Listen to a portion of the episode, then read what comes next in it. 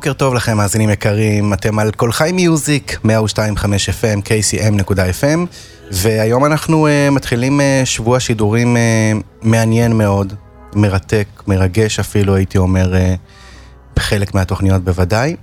ואני יעקב בלוך, אני שמח uh, לפתוח את התוכנית הזאת הראשונה עם uh, לא אחר מאשר רן ובר, שלום. שלום, שלום, בוקר טוב. בוקר אור. Uh, רן, אתה תשדר פה בעזרת השם uh, בימים הקרובים, ובעצם uh, תיתן לנו כאן uh, כל מיני דברים, אנחנו עוד מעט נדבר על uh, מה אתה עושה ועל uh, תכנים. uh, תכנים שאתה מעביר בכל מיני uh, פורמטים.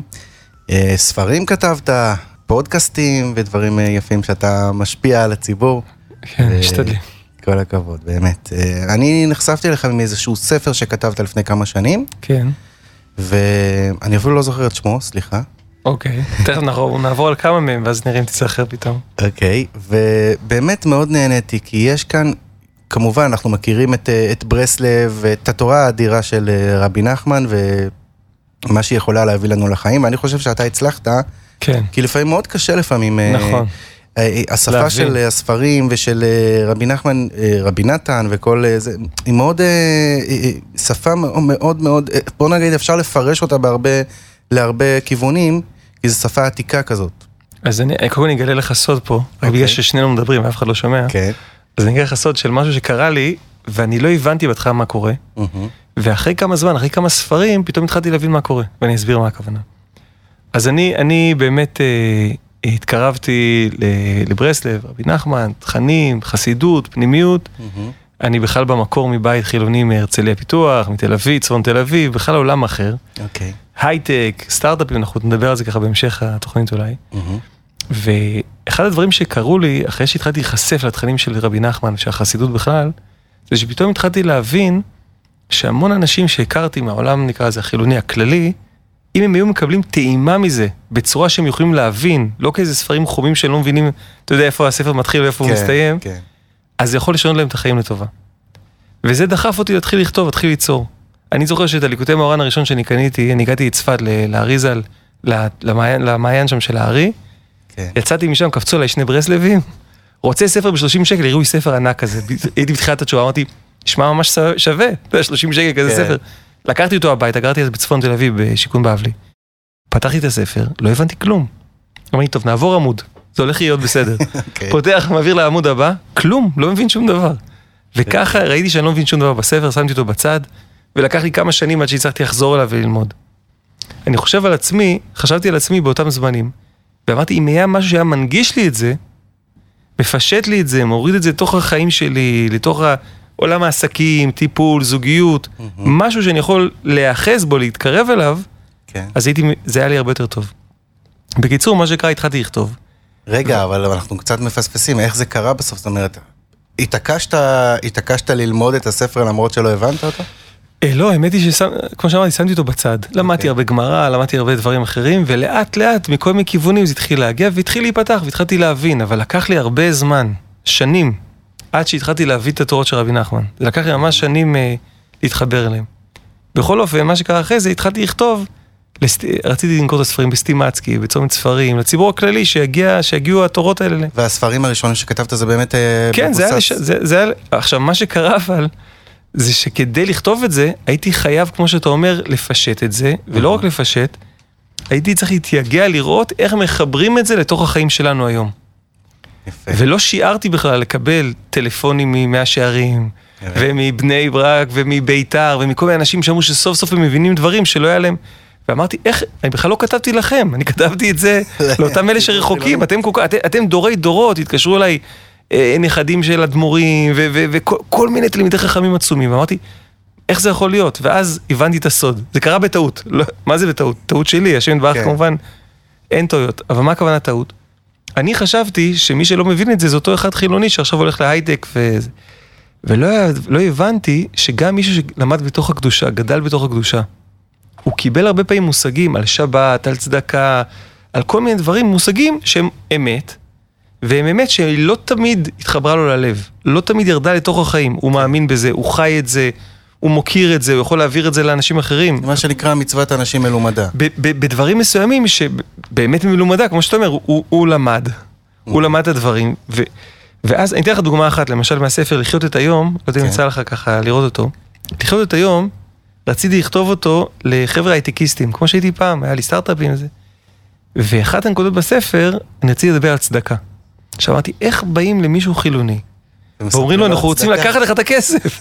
אנחנו רוצים, אתה כל כך התאמצת להרוויח אותו. זה הרי הרעיון של ההייטק, כאילו, תעשה כמה? שיותר כסף. כן, עכשיו אתה בא למישהו שרוצה לעשות כמה שיותר כסף, אתה אומר לו, תביא את הכסף שלך. כן. ותיתן אותו למישהו, ואחר כך שהוא שומע חדשות, ושומע את כל מיני דברים, ו- וכל מיני בעיות, אז הוא אומר, כולם שקרנים, חס ושלום, כן? כן. איך באים לבן אדם כזה ועוזרים לו להנגיש לו את רעיון הצדקה? אוקיי. ישבתי עם זה, עברתי על זה, ליקוטי מוהר"ן, ליקוטי הלכות. ואחד הדברים שראיתי, אחד הרעיונות שראיתי, אומר כזה דבר. כשבן אדם בעצם לא רוצה לתת צדקה, אז הוא נמצא באיזשהו מוחין דקטנות. שזה בחסידות, אני אסביר את זה ככה. יש מוחין דגדלות, שבן אדם יש לו הבנות ורחבות, והוא מרגיש שיש לו שפע ולא חסר לו כלום. ומוחין דקטנות, כמו איזה חולה שהוא מצומצם, שהוא מסכן, שהוא דואג רק לעצמו, שהוא כזה... אה, בטח שהוא לא יכול לתת למישהו אחר. אז יש פה כן. מצב שמוחין דגדלות ומוחין דקטנות, רעיונות מאוד עמוקים בחסידות. כן. שאותו אחד ההיסטיקיסט, הסיכוי שלו לגשת לרעיונות הזה, האלה הוא כמעט אפסי. ואז אמרתי כזה דבר. בעצם, כשבן אדם במוחין דקטנות, אז הוא לא רוצה לתת. כשבן אדם במוחין דגדלות, הוא רוצה לתת. כשבן אדם מרגיש שיש לו המון המון כסף, וזה כסף שזורם אליו, זה לא שעכשיו אם הוא ישתמש בו זה ייעלם, אז, ואתה בא ואתה מבקש ממנו, בוודאי, אין בעיה. כשבן אדם מרגיש שכל שקל שיש לו, הוא יברח לו מהאצבעות אם הוא לא יחזיק אותו מספיק טוב, אז הוא מרגיש שהוא לא יכול לתת. ואז אני מסביר שם, שבעצם הנפש שלנו היא גם כך, כמו ילד קטן. יש ילד קטן, תדמיין ילד קטן שיש לו שני הורים. הוא מבקש מהם לקנות משהו, אמא אומרת, מה פתאום, אין לנו כסף, אי אפשר. ואבא אומר, אין בעיה, אין שום בעיה. מה ילד מרגיש מאבא? ילד מרגיש שפע, רחבות, הכל זורם, הכל קורה. אותו דבר, כשאני עכשיו נותן צדקה למישהו אחר, מה אני מאותת לנפש שלי, לחלקים הנמוכים בתוך הנפש? יש. ולכן, הסר כדי שתתעשר, ולכן גם אותו אחד עני שמתפרנס מהצדקה, צריך לתת צדקה למישהו אחר. כי הוא וואו. רוצה לצאת מהמוחין דקטנות, מהתחושה שאין לי, תחושה שיש. ואז בספר אני מדבר על זה שבן אדם שרוצה לעבור לתודעה של שפע, גם אם אין לו הרבה כסף עכשיו, וגם אם יש לו, ככל שהוא נותן הלאה, הנפש שלו לומדת, יש לי המון, יש יש לי. לי, יש לי שפע. הרעיון הזה הוא רעיון שאותו אחד, שהוא הייטקיסט, אומר, בואנה, זה נשמע לי טוב. אני. צריך ללמד את הנפש שלי לחיות בתודעה של שפע, זה נשמע לו מאוד הגיוני. עכשיו קח את אותו אחד מבני ברק או מירושלים, או לא משנה מאיפה. הוא למד על צדקה, הוא יודע את הוורטים, פתאום הוא מקבל את זה מזווית, מזווית של הנפש שלו. וואו. ואז יצא שהספרים, פתאום עכשיו הם בספרי אור החיים אפשר למצוא אותם, ובמקומות אחרים. אפי- כשאתה בעצם התכו- לא התכוונת בכלל לא אה, התכוונתי. לציבור החרדי. למרות ו- שהאמת, שכששאל אותי, בהתחלה כשהתחלתי לכתוב, שאל אותי איזה רב, שאל אותי, אה, למי אתה כותב? אז אמרתי לו ליהודים, בתמימות כזה. אז הוא אומר לי, אין כזה דבר. אתה צריך לכתוב או לחרדים, או לחילונים, או לכיפה סרוגה, אי אפשר. אמרתי לו, לא יודע, אבל יהודים, כל יהודי, אני רוצה כן. להגיע לכל יהודי. ואז, אבל הבנתי שבהתחלה זה יגיע לשם, שזה היה ככה היעד העיקרי, שהרגשתי כל כך הרבה חיסרון, שאחד הדברים ש... עוד פעם, בתור אחד שעובר בין העולמות, מין שגריר כזה בין העולמות, כן. אחד הכאבים שהיו לי, זה שאני בעצם גדלתי בתל אביב, בהרצליה פיתוח, ואף פעם לא היה לי גישה למקומות העמוקים של היהדות. גם כשלמדתי על זה בבית ספר, זה תמיד היה ככה מצטייר בתור משהו מאוד מאוד שטחי וחיצוני, מהמם.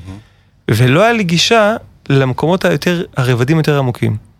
וגם אם הייתי מגיע כבר לאיזשהו מקום חרדי, אז הכמות של ההקדמות שהיו צריכים לתת לי כדי שאני בכלל אבין על מה מדובר, היא הייתה אדירה.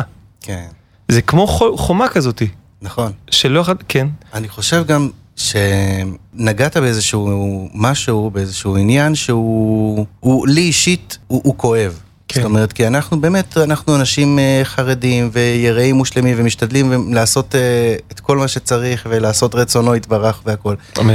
אבל אה, לפעמים, מרוב שאנחנו עסוקים ב, בדברים עצמם, אנחנו שוכחים את המהות. בגלל, למשל, מה ש... הדוגמה שנתת מ... מ...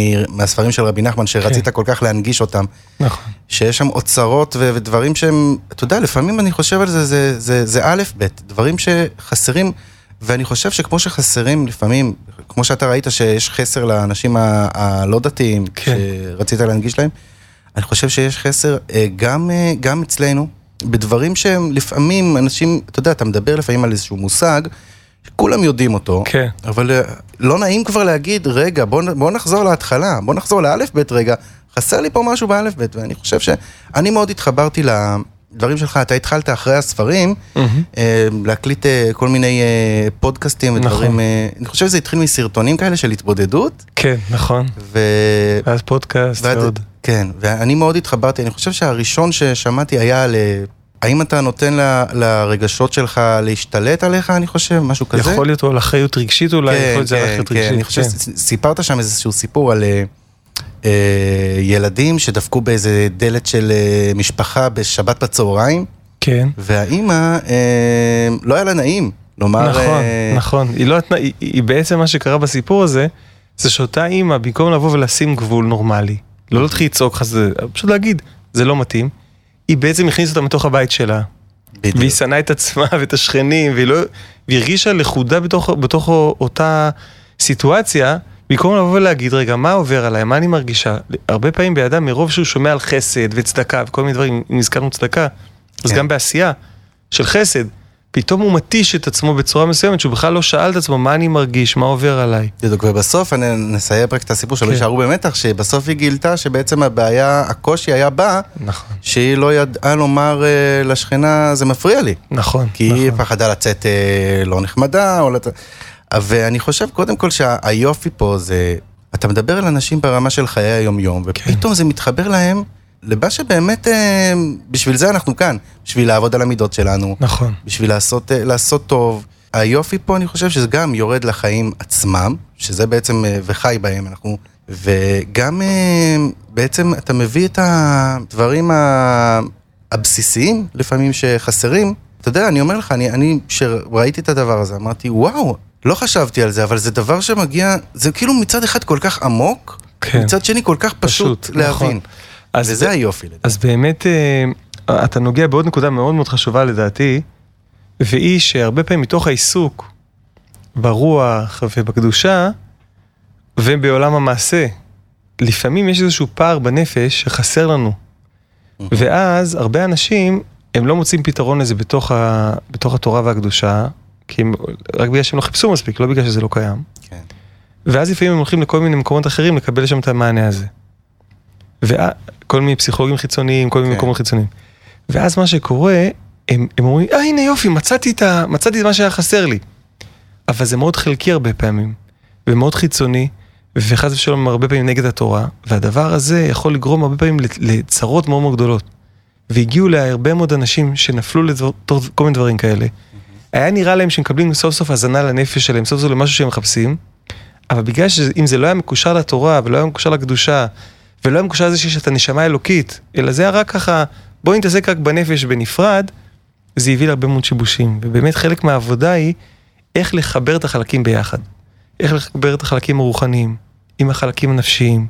איך לחבר את זה באמת לתוך עולם העשייה. יש לי, הספר החדש שלי, אתה לא יודע אם ראית אותו כבר. האמת שהוא שלא יצא לי, אני אשמח לא, הוא עוד לשמוע. לא אה, יצא, הוא ממש צריך לצאת לאור עכשיו. אוקיי, קוראים לו מחובר. אוקיי. והוא באמת מדבר, באחת התוכניות אנחנו נתעסק בו עם אחד האורחים, אבל ככה בר, ברמיזה או בלתת קצת פרטים, הסיפור, הספר מחובר, הוא מבוסס על סיפור מחכם ותם, של כן. okay. מעשה מחכם ותם של רבי נחמן מברסלב, והוא לוקח את הסיפור הזה לאיך אני חי חיים יותר מחוברים. כשאני בא לעבודה, כשאני הולך לכולל, כשאני יושב עם אשתי לשיחה, כשאני פוגש את הילדים, איך אני פחות בורח, היום זה, זה עולם מכל הבלבול של העולם שאנחנו נמצאים בו, כל ה... כן. אני קורא לזה אה, המבול האלקטרוני, כן? יש איזשהו מבול כזה. נכון. ו- ו- אז א- איך אני יוצא, איך אני מוצא מין תיבת נוח בתוך המציאות הזאת של מקום לעצור ולהקשיב, מקום לעצור ולהתחבר, לחבר את השכל עם הלב, אותי, אותו, אותו אדם עם אשתו, עם הילדים, עם עצמו, עם העבודה, עם השם יתברך כמובן. והעבודה הזאת היא עבודה שמצד אחד היא הדבר הכי נזקק בעולם, ומצד שני הרבה אנשים אין להם זמן בכלל להתעסק עם זה. כן. אתה שואל אותו מתי, אה, אה, מה אתה אנשים מרגיש? עסוקים בסוג של בריחה הרבה, הרבה נכון. פעמים. ואני אגיד ללימוד זכות עליהם, הרבה פעמים הבריחה מגיעה מזה שאני לא יודע מה האלטרנטיבה. בדיוק, זה מה שבאתי להגיד. כן, לפעמים אתה...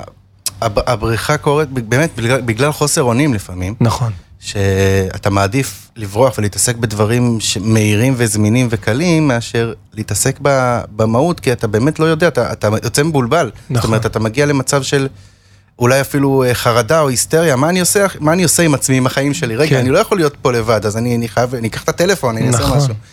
אז כמו שאני אמשיך למה שאתה אומר, יעקב, באמת, אם אין לי אה, אלטרנטיבות, אם אין לי איזה משהו שמזין אותי במקום שחסר לי, בצורה מספיק מיידית, מספיק קרובה, מספיק מחוברת, אני חייב כביכול לברוח. אז זה לימוד זכות מאוד גדול, כל מי שבורח. נכון. שהבן אדם אומר, אבל מה אני אעשה עכשיו? אם אני אניח את זה בצד, את אותו טלפון, אותו גירוי חיצוני, עם מה אני אשאר? ובספרים אני מנסה לתת, נניח בלחיות את היום, יש שער שלם שנקרא אוויר לנשימה. כן. איך בן אדם מתחיל לנשום, רק על נשימה אפשר לדבר על זה תוכנית שלמה. כן, אני חושב שגם ראיתי אחד, אחד מהפרקים שלך של הנשימה. כן, אז זה דבר שממש הצלת נפשות. איך הגעת לזה? רגע, זה משהו שהוא קשור כבר למשהו פיזי גם. נכון, נכון, נכון, נכון. נכון. השם יתברך, תראה, קודם כל, פעם מישהו שאל אותי, איך התחלת לכתוב? אני, גילוי נאות, אני לפני שהתחלתי לכתוב את הספרים, הייתי בור ועם הארץ בכתיבה, לא ידעתי כלום בלכתוב. יש אנשים כאלה, אתה יודע, שהם כתבו בגיל 4 למגירה, ובגיל 7 בחדר כתבו איזה נכון. חיבור וזה. תמיד הסופרים תמיד אמרו, התחלתי. התחלתי, אז אצלי זה לא קרה. אני רק בגיל 30 גיליתי את העולם הזה של הכתיבה, וגיליתי אותו מתוך המקום, מה שאמרתי קודם, כשהיו שואלים אותי, למי אתה כותב, אז אני אומר להם, אני כותב לעצמי לפני, לפני התשובה, לפני שהתחלתי למצוא את האוצרות של היהדות בתוך ה... כמו רן שקיבל את הספר ליקוטי מוהר"ן ולא ידע... בדיוק, אני כותב לרן הזה, עם הליקוטי מוהר"ן שלא יודע איך לקרוא. ואז פתאום ראיתי שיש לי צורך גדול לכתוב ולהוציא את הדברים החוצה. אבל לא ידעתי איך, לא היה לי כלי כתיבה נקרא לזה, לא היה לי את הכלים איך לעשות את זה. ובאמת, במשך הרבה זמן לא, לא הבנתי איך אני מצליח לעשות, כי לאט לאט זה הלך והשתפר וגדל ורבי מכר והגיע להמון אנשים. ואז ראיתי באור החיים הקדוש וברמב"ן, בשניהם בצורה קצת שונה, את אותה תשובה שהסבירה לי איך הצלחתי לעשות את הדבר הזה, ואני מקווה שכל אחד ואחת מהמאזינים עכשיו יוכלו לקחת את זה לתוך החיים שלהם, לרצונות שלהם. שואל, שואלים האור החיים והקדוש והרמב"ן, כל אחד בצורה שלו, איך עם שיצא ממצרים, מתוך מציאות של תבן, של קש ותבן, של, של סיטוט אבנים, של פירמידות, איך הם פתאום עושים מלאכות עדינות במשכן, של זהב, של ריקוע? וואו, שאלה. נכון. מי לימד אותם במצרים כזה דבר? רק הצליפו בהם בגב, גרמו להם לדחוף אבנים ענקיות. איך אותו אחד, המצרים בטח לא לימדו אותם.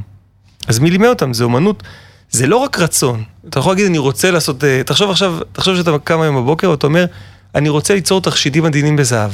זה יפה שאתה רוצה את זה, ועדיין... אין לך את היכולת. יש המון יכולת, המון טכניקה שצריך נכון. לדעת פה. אז אה, הם אומרים, שזה בעצם מופיע בפרשה שם, כל איש אשר ידבנו ליבו. ש... כן, פרשת תרומה, כל נכון. איש אשר ידבנו ליבו. שכשהלב שלך מנדב אותך על דבר מסוים, השם בך מלמד אותך דרך הלב. כשאתה רוצה לעשות משהו, השם בך י... י... ילמד אותך איך לעשות את זה. זה הפוך מהעולם, העולם אומר, תסתכל על כל מיני דברים, תלך לעשות הכשרה כזאת, הכשרה כזאת. התורה אומרת לנו הפוך. תחזק את הרצון שלך בלב, תברר, תגלה מה אני רוצה, איך אני רוצה לשרת את השם יתברך בעולם, איזה טוב אני רוצה לעשות בתוך העולם הזה, ומה שאתה רוצה, השם יתברך דרך הלב שלך ילמד אותך איך לעשות את הדבר הזה. אני חוויתי את זה אה, על בשרי. Okay. אוקיי. עוד פעם, אשתי בהתחלה הייתה רואה את הדברים שהייתי כותב, והיא הייתה אומרת לי, זה נחמד בסך הכל, אבל זה לא... מתוך רצון לעזור, לא... זה, כן. זה נחמד, אבל זה לא, זה לא זה. ולאט לאט זה יצא, ושיפרתי ולמדתי. פתאום הגיעו לכל מיני ספרים ש, שמסבירים כל מיני נקודות קטנות שהייתי צריך. פתאום שיחה עם איזשהו סופר שהבהיר לי איזה נקודה. הרבה טעויות והרבה שכתובים. כן. ומספר לספר, מספר לספר, ראיתי, ראיתי ברכה והצלחה בזה. אז אני קודם כל, מה, מהמקום שאנחנו יושבים, אני רוצה לאחל ולברך ולחזק את כל מי שרוצה לעשות דברים בחיים, ויש בו קול פנימי או חיצוני שאומר לו, עזוב אותך מהחלומות האלה, יעקב, תפסיק עם החלומות האלה. כן. לדעת שהחלומות האלה הם לא סתם. שאם הלב שלך רוצה לעשות משהו למען השם, למען עם ישראל, לעשות איזשהו טוב בעולם, להקשיב לזה, וללכת עם זה, ולהתפלל על זה, ולבקש על זה, והשם ישלח לך את, ה, את הכלים שאתה צריך. וואו. אנחנו כאן עם רן ובר בתשעת הימים בכל חי מיוזיק. נצא להפסקת פרסומת קצרה, מיד חוזרים. אוקיי, okay, אז רן, אני ממש אה, שמח לבשר למאזינים שנענית לקריאתנו ולבקשתנו, ובעזרת השם תהיה איתנו כאן אה, בתשעת הימים. בשמחה רבה. תכנים באמת מעניינים, מרתקים, מעשירים ומצמיחים, אני מקווה. אמ, ואני אשמח, אה, רן, אה, בוא תן לנו קצת היכרות, אנחנו יודעים כן. אה, קצת על הסיפור, על החזרה בתשובה, עם הסיפור עם ליקוטי מוהר"ן, אבל מה, מה אתה, איפה אתה גר היום? או, אז אה, קודם כל הגעתי לפה, לקח לי שעתיים להגיע. אוקיי. אני גר אה, ליד מירון, ביישוב שנקרא כפר שמאי. או, כן, ברוך השם, עם נוף ככה של, אה, רואים את הציון. תשמע, רק, ר- יכול להיות שרק בזכות זה יש לך את הרחבות הדעת כ- אה, יכול, יכול להיות. לכתוב האמת, ולהתעסק בדברים כאלה. שכשהגעתי לשם, אז אמרו לי, אתה תראה, אתה תירדם פה. אמרו לי, בגליל נרדמים, ככה אוקיי. הסבירו לי. אמרתי, מה הכוונה? אמרו לי, בגליל הכל, הקצב איטי כזה, זה לא כמו במרכז, הייתי, אני רגיל למרכז, לדינמיקה של מרכז, כמו שכל מי שגר כן. במרכז יודע, לטוב ולמוטב. של העיר, של העיר וכל ה... כן. פתאום אתה תגור שם באיזה, באיזה מקום שקט כזה, מול עצים, מעל נחל עמוד, מול מירון, אתה תירדם ולא לא תעשה שום דבר. אני גיליתי את ההפך. אוקיי. אני גיליתי שבגלל שיש לי איזשהו טמפרמנט פנימי של עשייה, של התקדמות, של פיתוח, אז זה כמו איזה אוטו שהמנוע שלו מתחמם מאוד מהר, כן. ואז שם זה מרגיע את המנוע קצת, אז אתה יכול דווקא ליצור יותר. וואו, לפעמים, זה עוד דבר בכלל על יצירה, עוד דבר שככה, עוד טיפ למאזינים, כן. שהרבה אנשים אומרים, אני לא יכול עכשיו ליצור, כי אני אימא עם חמישה ילדים, כי אני בן אדם עסוק מאוד בכולל, כי אני עובד באיזה חברת הייטק, לא משנה מה. לדעת שתמיד אפשר ליצור, והשם יתברך ייצור לכם את התנאים הנכונים להוציא את מה שאתם צריכים להוציא לעולם. יכול להיות שזה לא התנאים שהכי נוחים לכם, יכול להיות שהם לא הכי קלים לכם, יכול להיות שהם לא הכי מתאימים לכם. אבל הרבה מאוד סופרים מאוד גדולים סיפרו שכשהם היו עניים או בתחילת הדרך, הם עבדו בכל מיני, באיזה חדר כביסה מאחורי הבית וכל מיני נכון, מקומות יש כאלה. סיפורים כאלה, אתה מכיר את הסיפורים? נכון, כן. ואז פתאום הבן אדם אומר, אני נהייתי סופר מפורסם, והוא הרוויח המון כסף, קנה איזה שולחן מהוגוני ענק כזה, וכל הקריירה שלו התרסקה. עד שהוא העיף את השולחן והתחיל לעבוד עוד פעם במקום כזה, אתה מכיר את הסיפור הזה. כן. אז יש כל מיני סיפורים כאלה, אז עוד דבר שאני רוצה ככה לחזק ולעודד את כל מי ששומע אותנו, זה שברגע שיש לך את הרצון, השם יתברך יגלה לך איך לעשות את זה בתוך החיים שלך. וזה משהו שהוא מאוד מאוד קריטי. לא לחכות לאיזה חיים אחרים. לראות, אנחנו נדבר על זה אולי במחובר יותר, וגם בלחיות יותר, אבל איך אני עושה את מה שאני יכול עכשיו, ואנחנו יכולים לעשות המון. אז אני גר שם, אני גר בכפר שמאי, עם אשתי וששת ילדינו המתוקים. ליד רבי שמעון, אני זוכר להתפלל נץ, בציון, וואו. או מעל הציון ברבי שמעון. מדהים. חברותא שם אחרי הצהריים, ככה, באמת, אה, וזה עוד דבר, לפני כמה שנים גרנו במקום שנקרא מבוא חורון ליד מודיעין, מהמם. לפני איזה שבע, עברנו לפני שש שנים, ואשתי, אנחנו נסענו לירושלים איזה שהם סידורים, וכשחזרנו חזרה היא אומרת לי, מה החלום שלך? תן לי איזה יום אידיאלי בחיים. אמרתי לה, לא, אני מרוצה מאוד מהחיים שלנו, כמו שאנחנו, אומרת לי, לא, לא, אבל תעזוב רגע את המגבלות. אמרתי לה, לעזוב את המגבלות? אז היא אומרת לי, כן. אמרתי, אין בעיה, אני אעזוב את המגבלות. היום שהיא מתחיל בארבע וחצי בבוקר, אני הולך לטבול במעיין בספסופה, משם אני מגיע לרבי שמעון, מתפלל תפילת שחרית, אחר כך אני לומד, עובד, מטפל באנשים, קצת כותב, חי בגליל. אמרתי, כן, אבל זה חלום רחוק מדי, זה לא... כן. ופתאום אחרי כמה שנים אומרת לי, תראה רגע מה קורה פה. אמרתי לה, מה? הנה החלום שדיברת עליו לפני כמה שנים, אתה זוכר? אמרתי לה, וואו. וואו. אז ל- לפעמים אני לא מספיק לטבול לפני הטבילה, הרבה פעמים אני טובל אחרי, אבל אותו רעיון, פחות או יותר. אז כן. בחלום לא, לא דייקתי בכל הפרטים. זאת אומרת, הגעת לך, אז, אבל- אבל זה לא קרה בבום, זה מן הסתם קרה נכון. בשלבים, ואז... זה לוקח, זה לוקח, זה עוד דבר שהרבה אבל פעמים... היית מכוון לחלום. כן. זה, זה מה שקורה, אה, הרבה פעמים בן אדם חושב שצריך להפעיל המון כוח כדי להגיע לחלומות שלך, זה לא נכון. בניסיון שלי, אתה לא צריך להפעיל המון כוח. אתה צריך לחלום, להרשות, קוראים לזה רשות לחלום. צריך להרשות לעצמך לחלום, קודם כל. כן. ואז, יש, יש שאלה שאני שואל הרבה פעמים בהרצאות שאני מעביר, אם יש לך עוד כמה דקות ככה לשמוע אותה. בטח, בטח, מה זה? שלך. אז אה, יש שאלה שאני שואל הרבה פעמים בהרצאות, ואני מזמין את המאזינים עכשיו לחשוב על השאלה הזאת. נניח יעקב שאתה עומד מול קיר ענק. עכשיו אתה רוצה לעבור את הקיר. איך תעבור את הקיר? אני שואל את האנשים בהרצאות, איך עוברים את הקיר? אחד אומר לי, חופרים מתחת לקיר. שני אומר, מטפסים איכשהו ועוברים מעליו. שלישי, הולכים מסביב, מתישהו הקיר ייגמר. רביעי אומר, אולי אני אצליח לשבור אותו איכשהו. כל אחד יש לו איזשהו רעיון אחר, איך עוברים את הקיר. אוקיי. ואני אומר להם שיש שיטה מאוד פשוטה לעבור את הקיר. אתה לוקח את התיק שלך, ואתה משליך אותו לצד השני, מעל כבר הקיר. תגיע לשם. כן, בתוך התיק יש את המפתחות של האוטו, יש כל... אתה חייב להגיע לשם איכשהו. וואי. אותו דבר עם חלום. אם אתה זורק את התיק מעל הצד השני של הקיר, אתה אומר, זה מה שאני רוצה, ריבונו של עולם, זה מה שאני רוצה, זה מה שאני כוסף אליו, זה מה שאני מבין שהוא, שהוא, שהוא מה שאני צריך לעשות בעולם. איך אני אעבור את הקיר? רק השם בך יודע, כן? אבל אני כבר משליך, זה כמו נחשון בעיניים, אני כבר קפצתי. בדיוק. ברגע שקפצת, יש, יש שיטה כזאת שאומרים, שבן אדם בא ואומר כבר מה הוא הולך לעשות. עכשיו, אין לו כלים לזה עדיין, הוא לא יודע. הוא אומר לחברים שלו, אני הולך לעשות את הדבר הזה והזה. לא, לא מדבר על זה בן אדם שהוא עם חלומות שכל יום מחליף את הזה. כן. אני רוצה לעשות את הדבר הזה. איך פתאום כל מיני אנשים מגיעים ועוזרים לו ומסייעים לזה. זה קורה בכל מיני צורות שאנחנו לא תכננו הרבה פעמים. אני שמעתי מהרב נוח ויינברג, כן. אמ, שלא שואל, לא כדאי לשאול ילד, מה אתה רוצה להיות כשתהיה גדול. Mm-hmm. כי זה אומר, אוקיי, מה יהיה כשרחוק עוד הרבה שנים, אלא מה אתה רוצה לעשות? וואו. לא, לא, לא מה אתה רוצה לעשות כשתהיה גדול, מה אתה רוצה לעשות. זאת אומרת עכשיו. עכשיו, ב... בדיוק. מדהים. זה לא... אז אתה מביא אותנו עכשיו, יעקב, אתה אה, הכנסת אותנו צלילה מאוד מאוד עמוקה, אבל אני חושב שדווקא הימים האלה זה ימים אה, שמצד אחד כבדים וקשים מצד אחד, מצד שני עם הזדמנות נפלאה לכל אחד ואחת מאיתנו להשתנות. כן. רובנו מחכים לאלול או לראש שנה, או אולי לצימר של, של אחרי, של, של בין הזמנים. ו, ולהרבה מאיתנו, הזמן הזה הוא זמן שאנחנו רק רוצים להעביר אותו איכשהו. כמו שהרבה פעמים בצום, והיה אומר, טוב, מתי ייגמר הצום? כן. אז עוד פעם, כשתשאל אותו, יסביר לך, לא, אני מבין את החשיבות הרוחנית, אבל עכשיו בגוף ככה אני מרגיש, וככה בנפש שלי כן. אני מרגיש. לא שאני מזלזל, חס ושלום, אבל בהרגשה שלי. ואנחנו, באמת, אחד הדברים שלומדים בפנימיות התורה, זה שכל רגע בשנה, וכל דבר שעובר על הבן אדם, יש לו משמעות. אנחנו מגלה לנו שבכל יום, השם יתברך, בתורה נ"ד ליקוטי מאורן, בכל יום יש רמזים שהקדוש ברוך הוא מרמז לך דווקא באותו היום. מעניין. ומה אני אמור לעשות מתגלה לי באותו היום. אז אם עכשיו תשעת הימים, אם עכשיו זה זמן של חורבן, איזה צמיחה יכולה לצמוח אם אני לא אתעלם מהחורבן? זה קשור למה שאמרת קודם עם, עם אותה אישה והרגשות שלה. כן.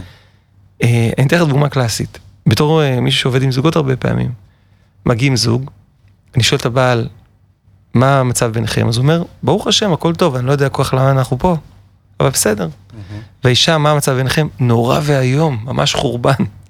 איך יכול להיות שהוא אומר שהמצב נראה לו בסדר בסך הכל, עם קצת בעיות קטנות, לפעמים צועקת קצת, לפעמים זה, והיא אומרת בבכי שהמצב הוא חורבן. אה, מי מהם צודק? איך הפער הזה ניתן... אה, איך יכול להיות פער כל כך גדול ביניהם? כן. אז הפער הרבה פעמים קורה מזה שהבעל, בגלל שהוא אדם פרקטי, הוא מסתכל במציאות, אומר, יש לנו ילדים, הם הולכים מחונכים בבתי, בבתי ספר, בכוללים, או אם גדולים יותר, כבר אחרי נישואים, בכוללים או בישיבות וכדומה. יש פרנסה משמיים, פחות או יותר, אנחנו קצת מסתדרים בזה. אנחנו לא רבים בקולי קולות. אנחנו רק קצת קשיים, אני לא עשיתי את זה, בסדר, היא קצת נעלבה מזה, לא משהו נורא ואיום. הוא אומר, אני לא מבין מה הבעיה. הוא מסתכל על הפיזי, על החיצוני, על הפרקטי. היא מסתכלת על הלב, ומרגישה לפעמים חוסר קשר, או ריחוק, או שאין לו זמן בשבילה, וכל מיני דברים כאלה. אז היא חווה את זה כחורבן, היא מסתכלת על זה כחורבן, היא מרגישה בלב חורבן. אז היא לא מייפה את זה, והיא לא בורחת מהכאב. והוא יותר נוח לו כרגע להימלט מהכאב. כן, בדרך כלל זה מה שגברים עושים. או, אז היה אצלי פעם איזה זוג, הוא, הוא היה רב גדול, והיא אשתו, היא הולכת לסדנאות והוא מלמד דברים, והוא יושב מולי ואומר, טוב, אני באתי לפה כי אני באתי עם אשתי. ואשתו כבר למודת סדנאות, היא כבר מדברת, אתה מכיר את זה, אנשים מגיעים לטיפול, הם כבר מכירים את כל, את כל המילים כן. שצריך להגיד. בשלב מסוים דיברתי איתו משהו על הלב שלו וזה, ואז הוא פתאום נעצר, הוא בהה בי ואמר לי, רגע, זה גם בשבילי הטיפול הזה. אמרתי לו, כן, אתם זוג, זה טיפול זוגי, זה לשניכם. הוא אומר, לא חשבתי על זה פעם, אני הולך ממקום למקום אחרי אשתי, כדי להרגיע אותה, שהיא תירגע בדבר שלה. לא חשבתי שלי, אמרתי לו, ולך אין לב? הוא אומר לי, יש, אבל אני לא, לא מתעסק בזה. לא מתעסקים. לא מתעסקים. אז החורבן הזה שהיא, שהיא באה ואמרה, הוא הזדמנות לצמיחה. אם בן אדם אומר, אם בן אדם במקום להתנגד, הרי מה, מה הוא רוצה לעשות אם לא הייתי באותו חדר? להגיד לה, די נו עם השטויות האלה, עם החורבן הזה, זה לא כזה חורבן, תראי איך הבן שלנו ככה, ואיך הבת שלנו ככה, ותראי איך שאנחנו מצטלמים באירועים ובדברים, ואיך ההורים שלנו, וכל הסביבה מה חושבים עלינו. כן. והיא באה ואומרת, לא, אני מרגישה חורבן. ואם הוא מוכן להגיד לה, את יודעת מה?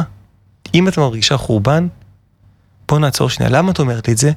והיא אומרת לו, אני מרגישה חורבן כי אני רוצה קשר, ואין את הקשר שהייתי רוצה להגיע אליו. אז אם אני מתייחס לתשעת הימים ככה, אני אומר, יש חורבן. אני לא מתעלם מהחורבן, אני לא רוצה רק להיות בצימר, זה טוב להיות בצימר כן. בזמן שלו. כל דבר, כמו שאמרת קודם, כל דבר בזמן שלו. נכון. זה לא שזה טוב.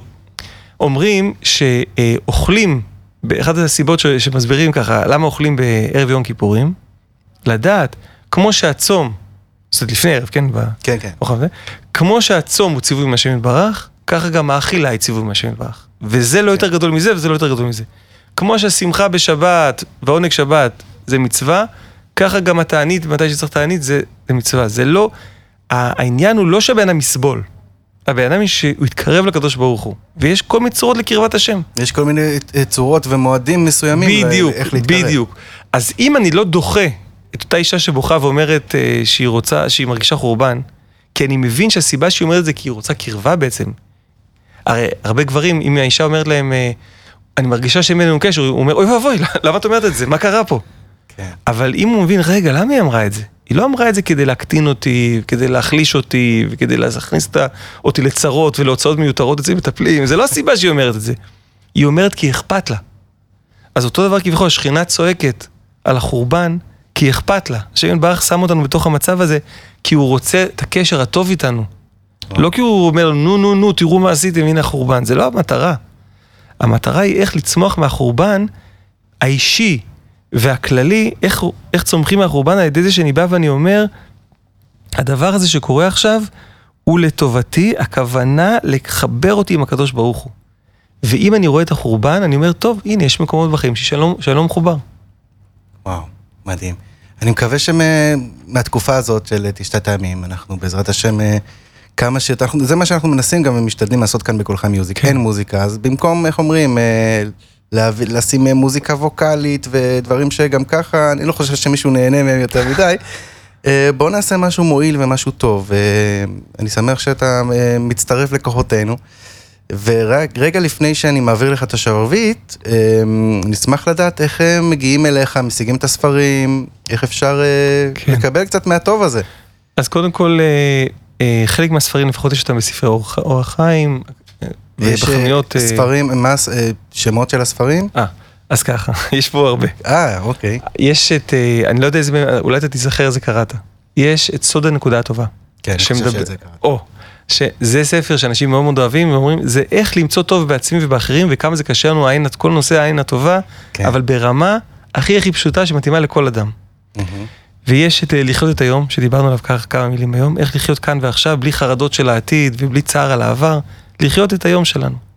יש את להיות בשמחה, מהמם. שהוא ספר שמדבר על שמחה, ויש אנשים שגיחכו קצת בהתחלה, אמרו, מה אני צריך ספר בשביל שמחה? ואז חזרו אליי ואמרו לי, זה ממש עזר לי. וואו. המון עצות מעשיות, המון כלים פרקטיים ופשוטים, עם סיפורים מאוד קשים. הקפדתי שכל פרק, שיש בו איזה עצה טובה של רבי נחמן, יתחיל מאיזשהו סיפור- מבית חולים, מהגטו, מאיזה מישהו שהיה במעצר אה, קשה בארצות הברית, כל מיני סיפורים לא פשוטים. זה לא שמחה רק למישהו שהוא כבר בסדר. גם למקומות הכי הכי קשים, להיות בשמחה. יש את הסיפור, שנדבר עליו באחד ה, התוכניות שלנו הקרובות, אה, על סיפורים שמעכבים אותנו מחיות החיים שלנו, כמו שהם. סיפורים. שאנחנו מספרים לעצמנו. בדיוק, סיפורים שאנחנו מספרים לעצמנו, אז זה יהיה באחת התוכניות הק- הקרובות. יש את בוודאי ישנה אהבה, שזה מבוסס על, אה, על אה, הסיפור מעשה מאבידת בת מלך של רבי נחמן, כן. מברסלב, ואיך לא להתייאש מזוגיות, גם אחרי 15 שנה, גם 20 שנה, גם מישהו שמחפש ולא מוצא, אז זה אה, בוודאי ישנה אהבה. יש עוד ספרים, אני ככה לא אלאה את כל המאזינים בכל הספרים, אה, אני והיינו רוכבים אופניים והתגלות ועוד אחרים.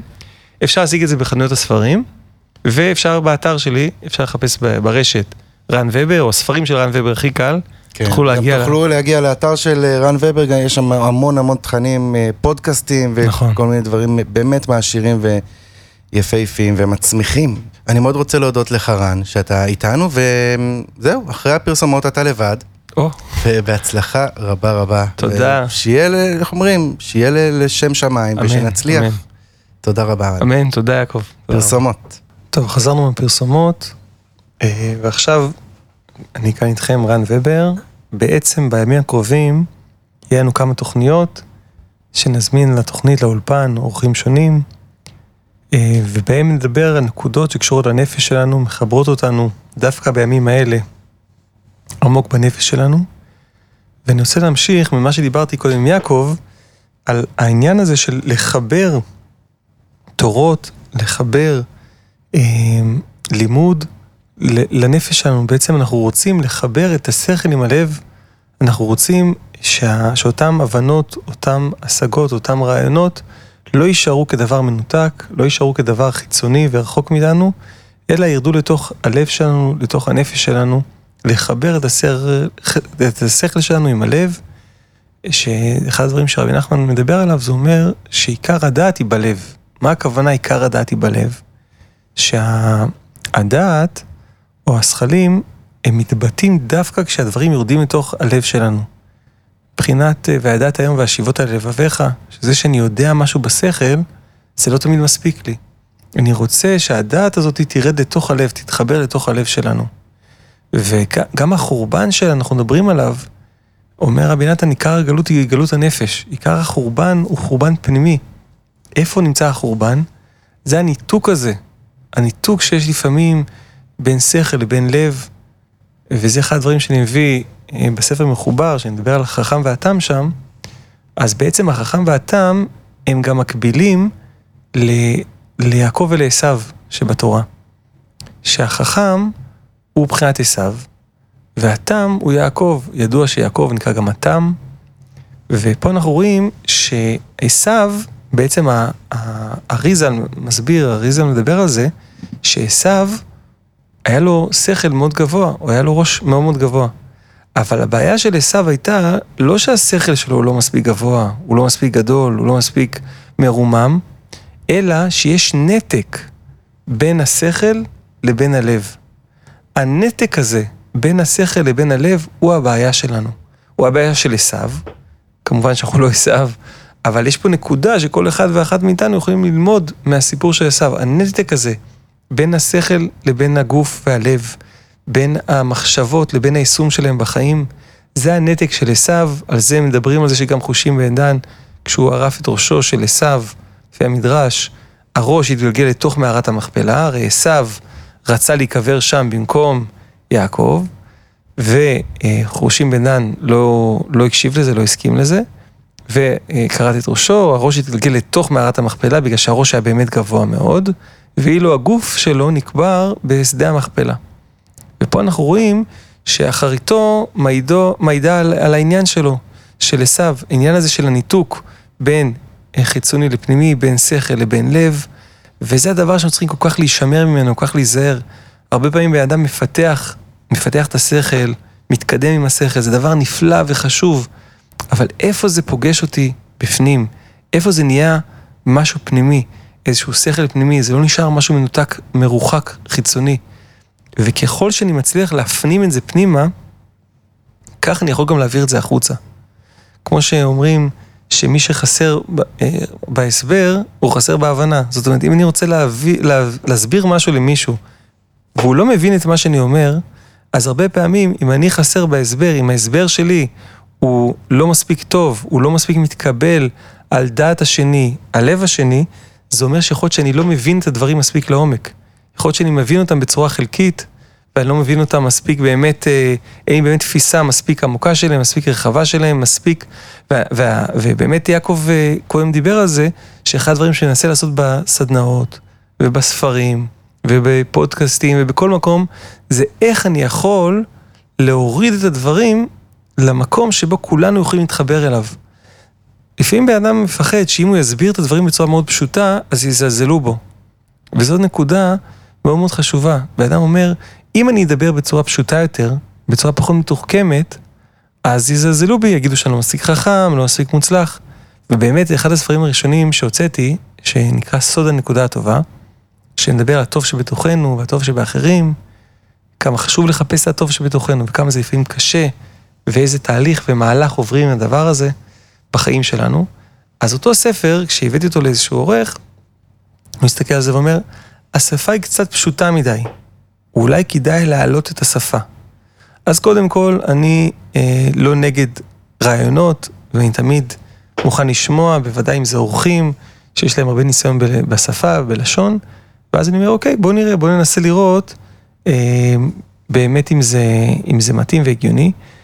ואז אם ראיתי ש, שזה גבוה מדי ומתוחכם מדי, יכול להיות שזה יהלל אותי או יאדיר אותי או יגרום לקורא לחשוב, וואו, רן הזה הוא מאוד חכם. אבל אם זה לא יצליח להעביר לו את המסר שאני רוצה להעביר, אז מבחינתי זה לא שווה שום דבר. כי מה שחשוב לי זה איך אני מעביר לשני את אותם תכנים שאני רוצה להעביר אליו, ולא כמה חכם הוא, הוא יחשוב שאני. ופה רואים באמת את אה, את, את יעקב מול עשיו, שהתם, אפילו שכתוב שהשכל שלו היה יותר נמוך, אבל הוא הצליח לפעול בתוך המציאות, הוא הצליח לשנות את המציאות, הוא הצליח לפעול דברים טובים בתוך המציאות. ואילו החכם, רואים לאורך הסיפור שהוא הולך ומידרדר, הולך ומתרחק. ומה שרוצים לעשות זה לראות איך כשאני מדבר עם הבן אדם השני, אם זה אשתי, אם זה הילדים שלי, אם זה חברותא שלי, אם זה הבוס העובדים שלי, או ספק או לקוחות שלי, איך אני מצליח להעביר את הדברים באמת בגובה העיניים. לא להשאיר אותם בתור איזה דבר מרוחק, בתור איזה דבר מנותק. לחיות חיים מחוברים יותר, זה אומר שאני רוצה לראות איך אני מביא לתוך החיים שלי את האיכות הזאת של החיבור. שהדברים לא יישארו חיצוניים. וכל אחד ואחת מאיתנו יכול לחפש כמה אני חיצוני בחיים שלי וכמה אני פנימי. ואם אני מגלה שאני מתנהג בצורה חיצונית, חשוב לא להתייאש מזה ולא להגיד אני בן אדם חיצוני חס ושלום. אלא להבין, אני בחרתי בצורה הזאת, בהתנהגות הזאת, בדיבור הזה, כי זה מה שחשבתי שיועיל לי, זה מה שחשבתי שיעזור לי. לא הבנתי שזה בעצם מרחיק את עצמי, אה, מרחיק אותי מעצמי, מרחיק את עצמי מהטוב שלי. חשבתי שזה יפתור לי את הבעיות, שככה אף אחד אה, לא יצחק עליי, אף אחד לא יתנהג אליי בצורה לא יפה או לא נעימה. וההסכמה להישאר בתמימות, להישאר בפשיטות, גם אם אנשים אחרים יצחקו עליי או לא יבינו אותי, היא דבר קריטי לכל אחד ואחת מאיתנו שרוצים באמת להצליח במה שאתם עושים. שימו לב שהרבה מאוד אנשים מאוד גדולים מסבירים דברים בצורה מאוד פשוטה. פעם דיברתי עם איזה רב, עם איזה תלמיד חכם מאוד גדול, ושאלתי אותו שאלה. וידעתי שהוא בקיא מאוד בקבלה, בפנימיות התורה, שאלתי אותו איזושהי שאלה, והוא ענה לי. ואז אמרתי לו, רגע הרב, אבל מה זה מצד הפנימיות, איזה, על איזה ספירות מדובר, איזה עולמות? אז הוא אמר, מה זה משנה לך? שאלת אותי שאלה, ועניתי לך בשפה פשוטה, כדי לעזור לך. מה זה משנה לך כרגע אם אני אעטוף את זה בשפה של קבלה, או בשפה פשוטה יותר? וכמובן שאם הייתי לומד, אם היינו לומדים עכשיו קבלה, אז כמובן שזה היה משנה. אבל באותו רגע אני פשוט שאלתי אותו שאלה. ובגלל שידעתי שהוא מאוד uh, בקיא בפנימיות, אז חשבתי שהוא יענה לי בשפה של הפנימיות. אבל הוא ילביש את אותו דבר שהוא רוצה להעביר לי במילים פשוטות, במילים שהיו קשורות יותר לחיים שלי, ובאמת יכלו לעזור לי הרבה יותר. ככה גם כשאני מדבר עכשיו עם מישהו אחר, ואני רוצה להעביר לו איזושהי נקודה. במקום לנסות להישמע, להישמע חכם, בהיר ומתוחכם, חשוב לי יותר לדבר איתו בצורה שתועיל לו. וזה איזושהי מהפכה גם בתפיסה, שאיפה אני שם את הדגש שלי? האם אני שם את הדגש שלי על ההבנות שלי, על איך שאנשים אחרים יסתכלו עליי, על כמה שהם אה, יראו, אה, יראו בי דברים טובים, וכמה אני שם את הדגש על הבן אדם השני. כשאני רוצה לדבר עם מישהו, אז אני צריך להבין ש... בוא נגיד זה ככה, נגיד שאתם מדברים עם מישהו והוא לא מבין אתכם. אז אתם יכולים ללכת להגיד, טוב, יש לו בעיה. הבן אדם הזה יש לו בעיות, הוא לא מבין אותי. אני ניסיתי להסביר לו את זה בצורה מאוד פשוטה, בצורה מאוד טובה. והוא פשוט היה לו איזה קושי, איזושהי בעיה, אז הוא לא הבין אותי. אבל הדרך הרבה פעמים להסתכל על זה להגיד הפוך. אם אני לא הצלחתי להעביר לו את הדברים, אז הקושי נמצא אצלי, לא רק אצלו. אולי גם לו לא יש קשיים, זה יכול להיות. אבל אני לא הצלחתי לגעת בליבו. אני לא הצלחתי להעביר את הדברים בצורה כזאת שהוא יבין אותם, שהוא יתחבר אליהם.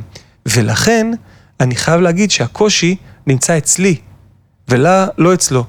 אני אנסה לתת לזה דוגמה אה, פשוטה מהחיים כדי שנוכל להבין את זה.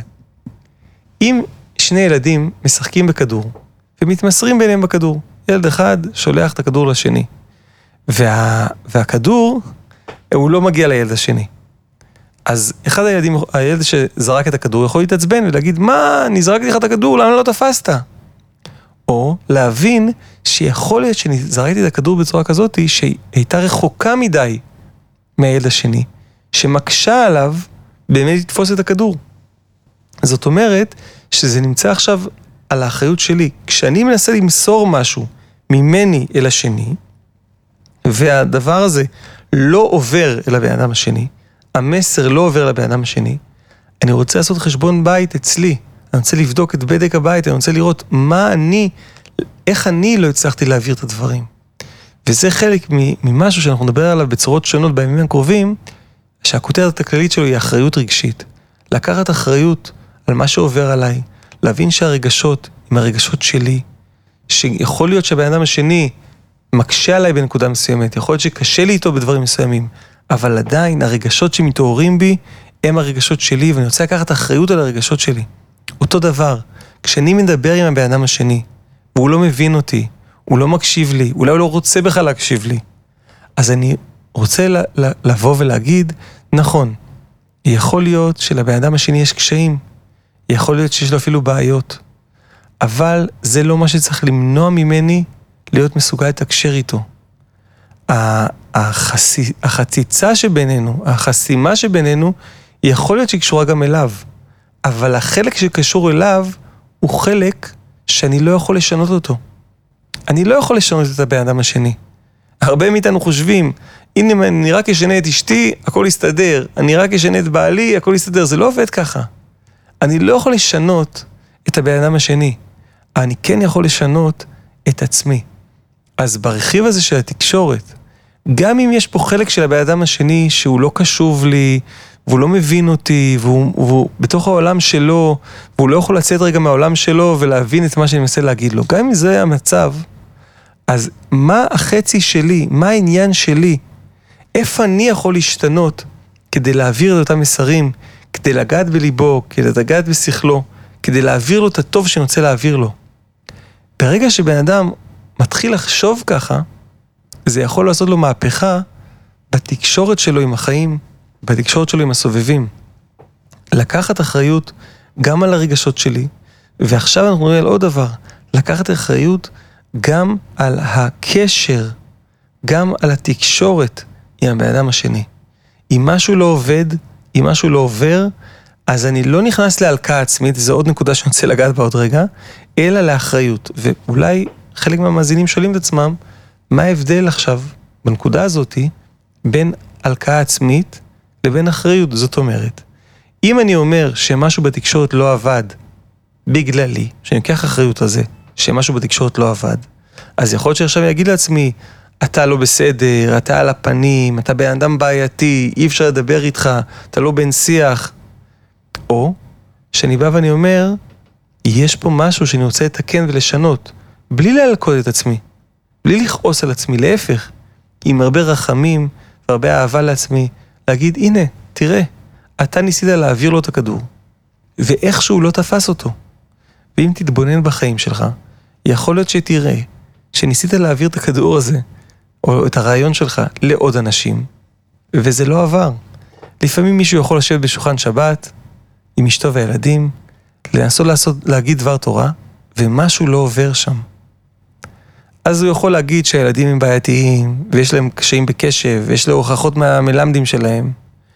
או שהוא יכול לבוא ולהגיד, אולי הצורה שאני מעביר את הדברים לא נוגעת בהם. לא מתוך האשמה עצמית, לא מתוך הלקאה עצמית, מתוך רצון לשינוי, מתוך רצון ליצירת קשר. אולי אני צריך לעשות הפוגות בתוך הדבר תורה שלי.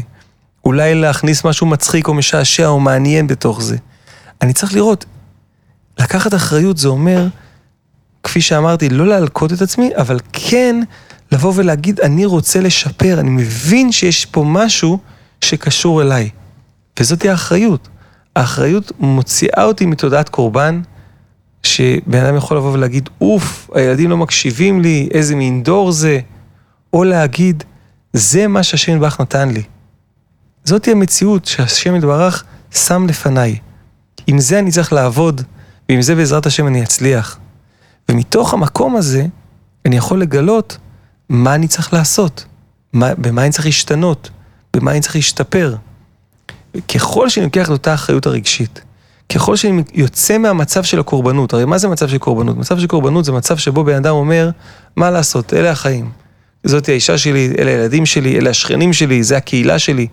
ובעצם הוא מגיע למצב של חידלון. מצב שיכול להיות שהוא אוכל את עצמו מבפנים, מה שנקרא. במקום לבוא ולהגיד, יש לי יכולת לבחור. יש לי יכולת לבחור בחיים. החיים, הם הגיע... השם יתברך סובב את המציאות בצורה הזאתי, כדי שאני אבחר עכשיו בטוב. כל אחד ואחת מאיתנו עכשיו, איך אני יכול להוסיף טוב לתוך החיים שלי? איך אני יכול לקבל אחריות על הרגשות שלי? איך אני יכול לצאת מתודעת הקורבן ולעבור לתודעה של מישהו שבוחר, שבוחר, שמשפיע טוב. כשבן אדם משפיע, זה עוד נקודה, כשבן אדם משפיע, יש, יש הרי אחד שהוא מקבל ואחד שהוא משפיע. אז יש מקומות בחיים שאנחנו נקבל, בסדר גמור. אבל יש מקומות שבהם במקום להיות מקבל, אני יכול לבחור להשפיע. כשבן אדם משפיע, הוא מקבל הרבה פעמים תענוג יותר גדול מאשר לקבל. מה הכוונה? נניח שיש בן אדם שאין לו כסף, והוא עכשיו צריך כסף, הוא מקבל ממישהו עשיר. וקודם כל הוא שמח בזה שהוא קיבל את הכסף, יש עכשיו כסף לקנות אוכל לשבת, אבל יכול להיות שלעשיר יהיה תענוג מעצם הנתינה עצמה, מעצם הצדקה עצמה, תענוג עמוק יותר, שאני נותן. לא, לא, לא, לא הכוונה שהוא מרגיש עכשיו עליון יותר על, על אותו אדם, אני לא מדבר על כזה תענוג חס ושלום, שבו הוא, על ידי זה שהוא משפיל את הבן אדם השני, הוא מרגיש שמחה בעצמו, זאת לא הכוונה שלי. הכוונה היא שהוא מקבל מעצם הנתינה, עצם הנתינה עצמה, שבן אדם נותן, שבן אדם משפיע טוב בעולם, גורמת לו לחוויה טובה עם עצמו. אז הרבה פעמים כשמגיעים אל אנשים, ונמצאים באיזה מין חידלון כזה, שבן אדם לא עושה כלום בחיים, או שהוא מרגיש שהוא לא עושה שום דבר, והוא מרגיש שהוא כל הזמן נסמך על אחרים ומבקש מאחרים. איך אתה יכול לתת? אני זוכר שיחה שהתקשר אליי איזה מישהו בהתרגשות. מישהו שהיה לו ממש, הוא היה בדיכאון מאוד מאוד קשה, היה לו קשה לקום בבוקר, הוא היה קם בערך בחמש בבוקר, והוא היה יוצא מהמיטה אולי בעשר או באחד עשרה או יותר מאוחר. הוא לא היה עובד, והוא לא, ממש, ממש, הוא עבר תקופה מאוד מאוד קשה. אני כל הזמן הסתכלתי עליו, ואמרתי לו, אני רואה בך משהו אחר לגמרי, והוא גם, לרגעים קצרים הוא הצליח לראות איזה משהו אחר, אבל כל פעם היה שוקע בתוך אותו קושי, בתוך אותו דיכאון. יום אחד הוא התקשר אליי בהתרגשות.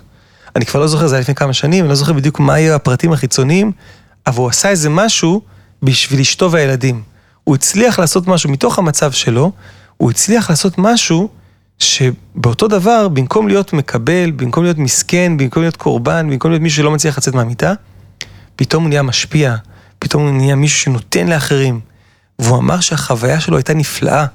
הוא אמר שהוא הרגיש ממש התעוררות והתלהבות. ואמרתי לו, הנה, תראה איזה יופי. במקום לדבר על מחשבות ורעיונות, עצם זה שהתחלת לעשות משהו מעשי בתוך החיים שלך, משהו שמשפיע טוב על הסביבה שלך, משהו שמשפיע טוב על כל האנשים שתלויים בך וקשורים אליך, פתאום אתה מרגיש אחרת לגמרי. ובאמת, זו הייתה נקודת תפנית מאוד גדולה בחיים שלו, שאני מאחל לו בעזרת השם שהוא ממשיך ומיישם אותה. אבל זה דבר שכל אחד ואחת מאיתנו יכול למצוא בתוך החיים שלו, בתוך החיים שלה. איפה אני יכול להשפיע טוב לאנשים אחרים? איפה אני יכול לצאת רגע מהנקודה הקטנה והמצומצמת שלי של מר גורלי בנקודה הזאתי, או מר גורלי בנקודה הזאתי. נכון, יש דברים קשים, כל אחד ואחת מאיתנו עובר תהפוכות בתוך החיים, עובר קשיים בתוך החיים, עובר דברים שלא מתאימים למה שאני רוצה עכשיו, דברים שאני הייתי בוחר לעשות אחרת, דברים שאם השם יתברך היה שואל אותי, הייתי אומר לו, אולי כדאי לעשות כך, אולי כדאי לעשות כך, אבל ברוך השם, השם יתברך יש לו את התבונה האינסופית, שגדולה מכל תבונת אדם, ואני רוצה להאמין ו- ולהתחזק בזה שכל מה שעובר עליי הוא באמת לטובה, כל מה שעובר עליי הוא באמת לתיקון שלי, כל מה שהשם יתברך עושה איתי הוא כדי שאני אוכל להגיע לטוב האמיתי. ועכשיו, מתוך הנקודה הזאתי, אני יוצא רגע מהנקודה הפרטית הקטנה שלי, ומנסה לראות איך להשפיע טוב לאחר. בן אדם יכול לשמוע אותי ולהגיד עכשיו, בסדר, אבל אני לא כותב ספרים, ואני לא עושה הרצאות, ואני לא עושה חוגי בית או, או כל דבר אחר. איך אני יכול, או איך אני יכולה, מתוך הנקודה שלי, מתוך אותו מקום שבו אני נמצא כרגע, איך אני יכול להשפיע טוב? איך אני יכול להיות בחינת משפיע, בחינת נותן? אז העניין הוא שצריך להסתכל ולהתבונן בזה ולראות מה השם יתברך מניח לפניי. אם את עכשיו אימא, ויש לך ילדים בבית, אז במקום, או בנוסף, ללחלום להעביר חוגים בערב, יכולה לראות איך אני יכולה להשפיע טוב כרגע. במה שנמצא כאן. איך אני עושה טוב בתנאים שהשם יתברך סובב לחיים שלי עכשיו. שאני לא מחכה עכשיו לאיזה משהו עתידי, לאיזה הצלחה דמיונית, לאיזה מקום אחר. אני עכשיו, איפה שאני נמצא עכשיו, אם אני עכשיו בוס אה, באיזה מפעל ויש לי עובדים, איך אני מביא להם טוב לחיים? אם אני עכשיו ראש כולל, איך אני מביא טוב לאברכים שלומדים בכולל שלי? אם אני עכשיו לומד בחברותה, איך אני מוסיף טוב לחברותה שלי? איך אני מחזק את החברותה שלי? איך אני בונה? ככל שתשקיעו בחיזוק של אנשים אחרים, תראו כמה טוב מגיע לכם תוך החיים שלכם. וכשאני אומר חיזוק של אנשים אחרים, אני לא מתכוון לריצוי. אני לא מתכוון לזה שתרמסו את עצמכם ותתעלמו מעצמכם, אלא תבנו את עצמכם ובמקביל תבנו אנשים אחרים, תבנו, תוסיפו, תביאו את הטוב הזה לעוד ועוד אנשים. דיברתי קודם עם יעקב על ה... הוא הזכיר את הספרים שאני כותב, אבל באמת, אחת נקודות התפנית בחיים שלי היו שהיה לי סטארט-אפים. גרתי בארצות הברית באותו זמן, והכל היה נראה טוב מהצד, ואני הרגשתי איזושהי ריקנות מבפנים, הרגשתי שהוא חיסרון. הרגשתי שכל מה שאני עושה בחוץ, הוא רק בשביל המשקיעים, הוא רק בשביל איזושהי הצלחה חיצונית. ואני זוכר ששאלתי את עצמי את השאלה, מה אתה רוצה לעשות בחיים? והתשובה מאוד הפתיעה את עצמי, אותי. התשובה הייתה, אני רוצה לעשות טוב. אבל מה זה הטוב הזה? להגיד לכם את האמת, לא ידעתי. מאז, אני במסע של מעל 20 שנה של לחפש איך להוסיף טוב בחיים. איך להיענות לקריאה של המלך, לנסות להתבונן איפה אני יכול להשפיע טוב, בין אם זה בעבודה עם זוגות או יחידים, בין אם זה בסדנאות, בין אם זה ספרים, וזה דבר שאני לא מיוחד בו. כל אחד ואחת מאיתנו יכולים לעשות אותו, זה רק עניין של בחירה. מה חשוב לי? על מה אני רוצה לשים את הדגש? על מה אני רוצה לשים את הדגש בחיים? האם אני רוצה לשים את הדגש על החיסרון, על כמה שחסר לי, וכמה שאין לי, וכמה שאפשר להוסיף לי, או שאני רוצה לשים את הדגש שלי על, על טוב, על הצלחה, על מה שאני יכול לעשות בחיים שלי, איך שאני יכול לתרום ולעשות למען אנשים אחרים, אה, ובעצם זה ככה אה, משגר אותנו לקראת הימים הקרובים, לקראת התוכניות הקרובות שלנו. תודה רבה אה, לכל המאזינים שהייתם איתנו היום בתוכנית הראשונה, ומחר אה, יהיה לנו כבר את התוכנית, ומחר ובימים הקרובים, תוכניות הבאות, כאן רן ובר, ברדיו קול חי מיוזיק, בתשעת הימים, מאחל לכולנו, לכולנו למצוא את הטוב בתוך כל דבר שאנחנו נוגעים בו, בתוך כל דבר שאנחנו עושים, בעזרת השם.